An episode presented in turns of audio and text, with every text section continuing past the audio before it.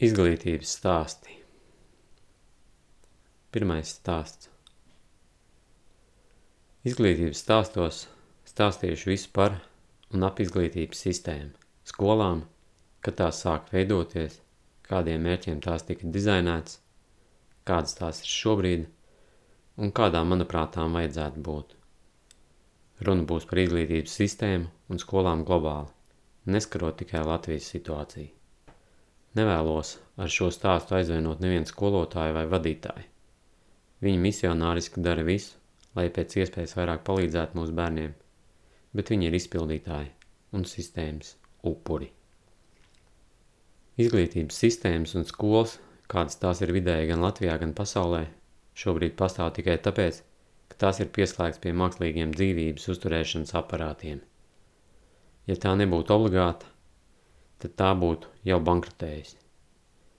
Mūsdienu bērni lielākoties nevēlas iet skolā, kādas tās ir šobrīd, bet viņiem joprojām neviens nejautā, kādas skolas viņi vēlas priekš sevis. Nezinu, kāpēc izglītības joma ir viena no retajām, kur lietotājiem neprasa viedokli, kādu pakalpojumu viņš vēlētos saņemt. Visu izlemj ierēģi attālināti. Tuvāko 5-10 gadu laikā mēs globāli piedzīvosim daudzu veco sistēmu bojāēju. Pirmā no vecajām sistēmām bankrotēs izglītības sistēma, kas savu sen jau ir nokalpojusi. Ar reanimāciju šeit nevajadzētu nodarboties. Arī skola 2030 nebūs glābiņš. Mēs nevaram vecā, saplaisājušā, no materiāla viedokļa pat kaitīgā traukā ieliet jaunu sulu un cerēt, ka trauks netecēs un šķidrums nāks mums par labu. Skolas, kādas tās formas un organizatoriskā ziņā joprojām pastāv, tika veidotas citiem mērķiem un vajadzībām. Viss pasaulē sen jau ir mainījies. Ratus ir nomainījuši elektroauto. Šeit nekas jauns nav jāizdomā.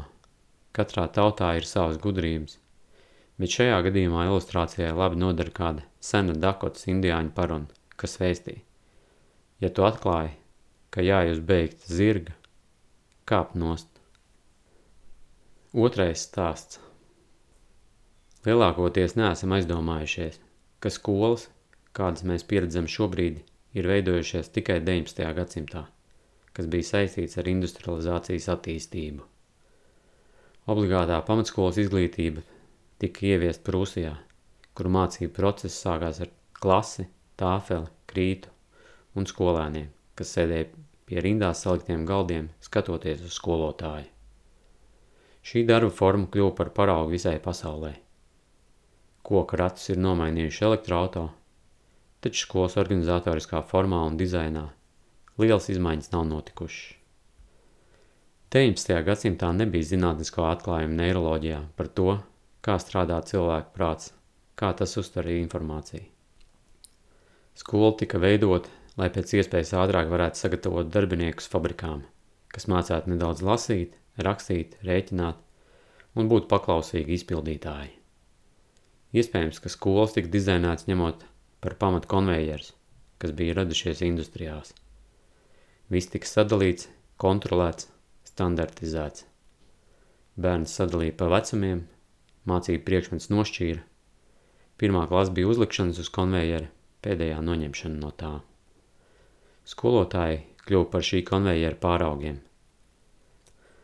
Ar laiku izglītības jomā uzauc milzīga birokrātija, lai kontrolētu, mērītu un pārvaldītu šo milzīgo rūpnīcu.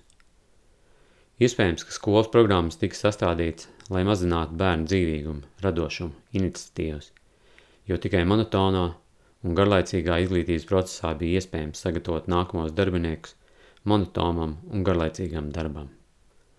Nebija vajadzības pēc zirgseles cilvēkos un viņa unikāliem talantiem. Šādā veidā izglītības sistēma ir pastāvējusi vismaz 150 gadus, neskatoties uz to, ka pasaule, kāda bija pirms vienu vai diviem gadsimtiem, vairāk neeksistē. Ir parādījušies tūkstošiem pētījumi, kā strādā mūsu smadzenes, kā tās vislabāk attīstīt, kāda vide veicina mācīšanos. Liek piebilst, ka tas lielākoties netiek ņemts vērā – Pats svarīgākais, ko ir pierādījusi zinātne, ir tas, ka mēs katrs domājam, mācāmies, strādājam un esam talantīgi dažādos veidos.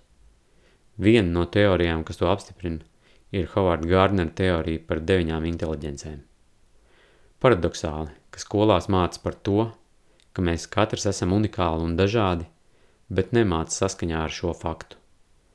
Skolotāji māca saskaņā ar savu mācīšanās stilu, tie, kam tas dara, ir sekmīgi, pārējie paliek zaudētājos. Pēdējos 20 gadus globāli ir mēģinājumi radīt individuālu pieeju skolās, bet tas ir palicis uz papīra, jo sistēmā, kuras būtība ir standartizācija, tas nav iespējams. Veids, kādā tiek sagatavot skolotāji, veidots mācību programmas, sadalīts skolēnu pa klasēm, celtas un iekārtotas skolas, veicina standartizētu apmācību un testus. Zināšana nodošana un standartizācija ir divi karogi, kas ir plīvojuši virs skolēnu un ģimeņu galvām jau divus gadsimtus. Taču abi ir tik noplukuši un neatbilstoši 21. gadsimtam, ka būtu nepieciešams tos nolaist.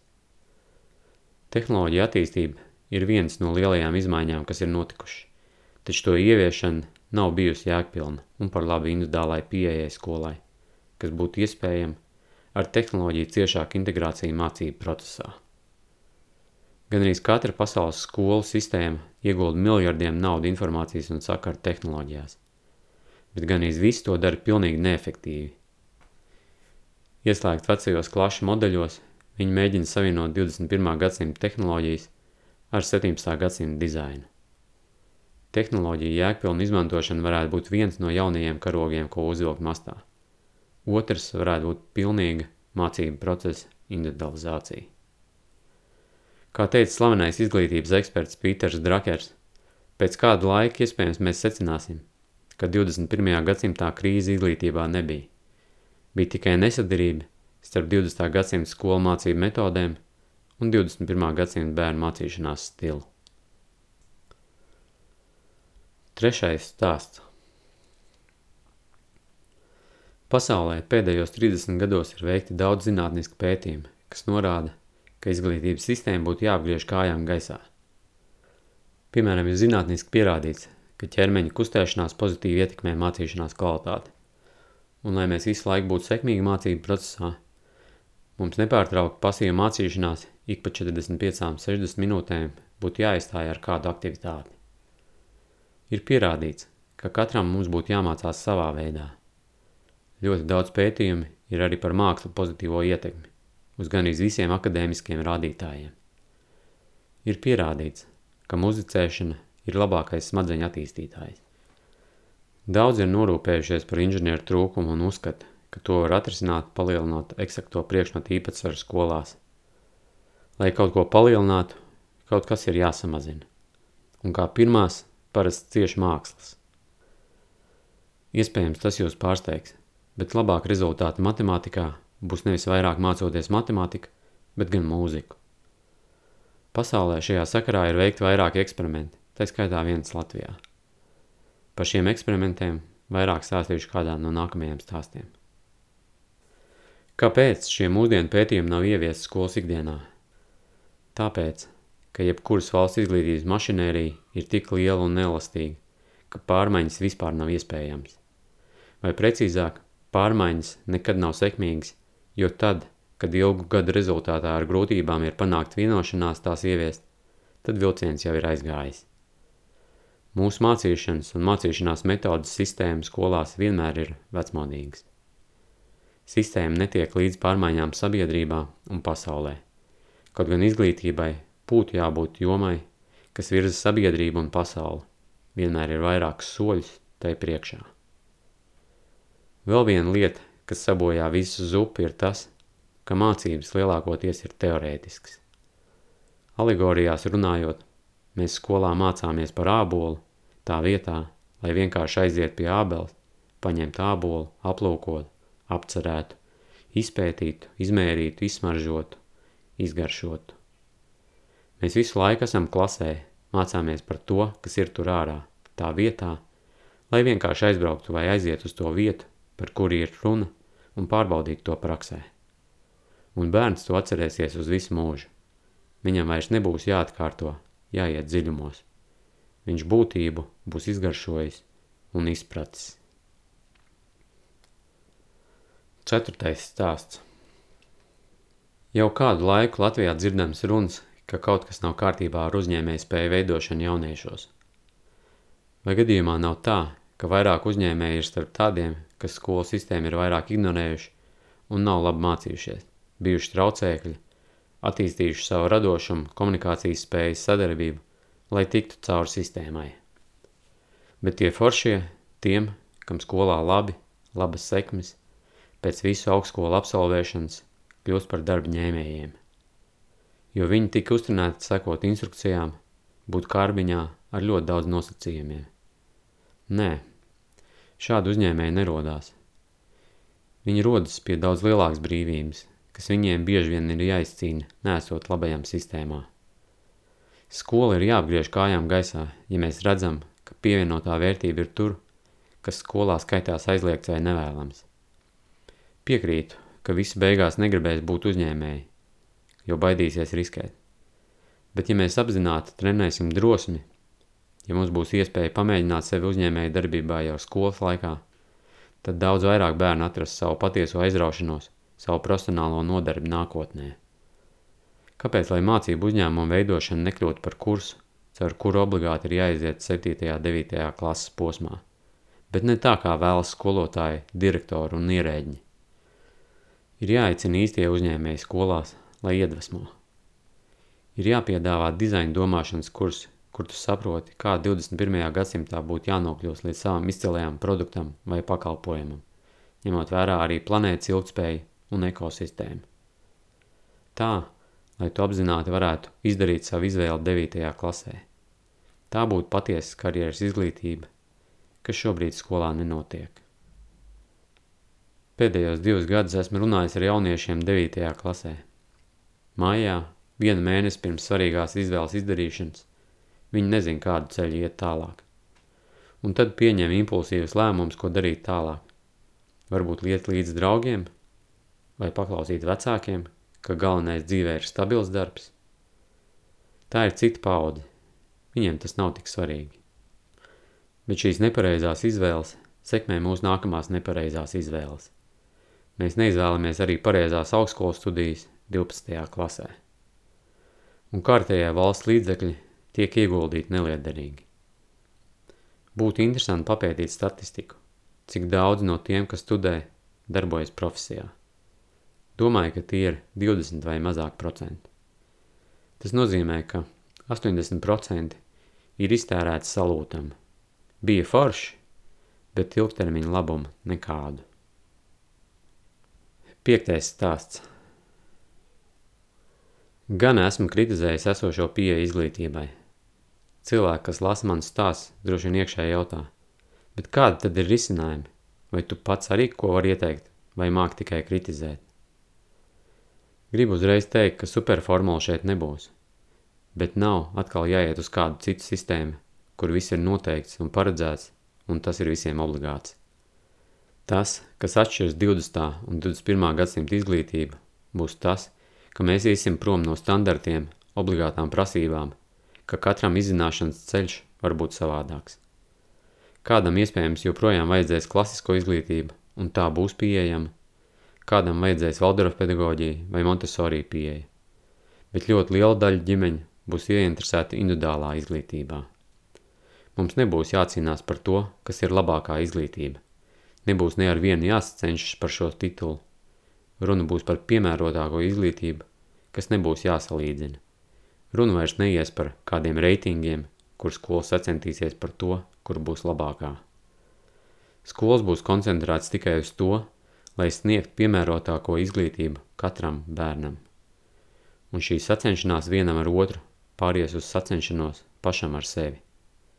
Skolai pārspēt pašai sevi, skolēniem pašiem sevi. Lai šo visu sasniegtu, ir nepieciešama tikai viena absolūti labējama lieta izglītības decentralizācija, kurā valsts atdod savu varu skolām, ko vada vecāki. Vairs nekādu standartu, ierobežojumu no valsts puses, tikai ieteikumi, kuri var būt ņemti vērā, bet varbūt arī neņemti. Visa atbildība par šo procesu ir ģimenēm, vecākiem un pašiem bērniem. Tas, kas krasi mainīsies jaunajā modelī, būs tas, ka beidzot arī bērnam kāds pajautās, kādu skolu viņš vēlas sev. Viņš būs iesaistīts jaunās skolas radīšanas procesā. Šajā brīdī bērna enerģijas barometrs stabiņš sasniegs virsotni. Viņš būs ļoti interesēts un motivēts savu talantu un prasmju izkopšanā, savā ceļā, ko viņš vēlas iet. Vēl viena svarīga lieta, kas mainīsies, ka informācijas apgūšanai un iekaušanai vairs nebūs tādas vērtības kā 20. gadsimta pieejai. Šo paradigmu ir mainījušas tehnoloģijas, kas ļaus ikvienam pieslēgties pie jebkuras pasaules bibliotēkas, pie labākajām video lekcijām, apmācību kursiem, platformām. Vēl viens aspekts, kas būs atšķirīgs, ka mēs ar vien mazāk patērēsim informāciju, bet attīstīsim spēju radīt informāciju radīt savus stāstus, savas gleznas, savas dejas, savas rotaļas. Šeit neies runa par to, ka mēs kaut ko radītu, lai piesārņot kopējo informācijas okeānu, kur jau šobrīd ir par daudz. Runa būs par procesu, kas mums būs terapeitisks. Mēs attīstīsim spēju būt apzinātam, meditatīvam šajā radīšanas procesā. Izkopsim savu literāro, mūzikas, ķermeņa, kustību, mākslas un runāšanas valodas. Sastais stāsts. Neapskaužu visus vecākus, kas mēģina noorientēties plašajā izglītības piedāvājumā, kas pieejams 21. gadsimtā Latvijā.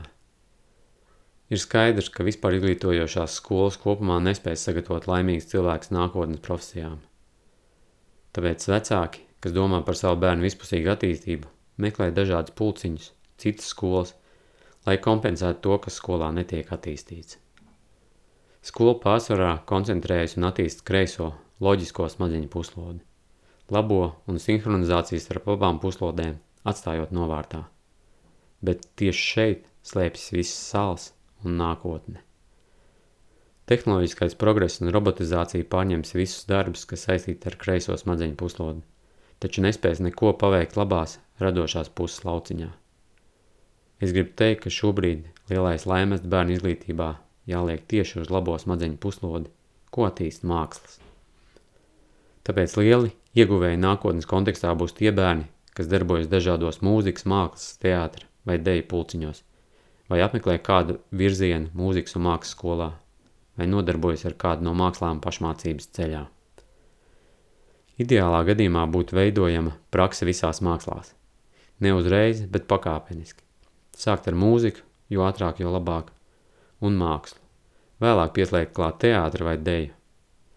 Šeit gan jāpiebilst, ka ļoti ko augt būtu mūzikas un mākslas skolām, kas joprojām koncentrējas mērķu sasniegšanas un rezultātu virzienā. Valsts politika būtu jāveido tā, lai ikvienam bērnam būtu saskarsme ar mākslām. Latvijā mums ir pasaules līmeņa kultūra izglītības tradīcijas, un šo plašo tīklu ar cilvēku resursiem un zināšanām vajadzētu satīklot ar vispārējo izglītību. Es pat teiktu, ka vajag riskēt un ievietot mākslas centrā ikvienā skolā. Jo mēs Latvijā skatāmies pakaļā tām valstīm, kas šo risku izglītībā ir uzņēmušās 20, 30 vai 40 gadu atpakaļ. Un tā arī turpināsim skatīties aizejošā vilcienā, ja mēģināsim kādu kopēt. Mums nav jākopē. Mēs esam ļoti radoši tauta.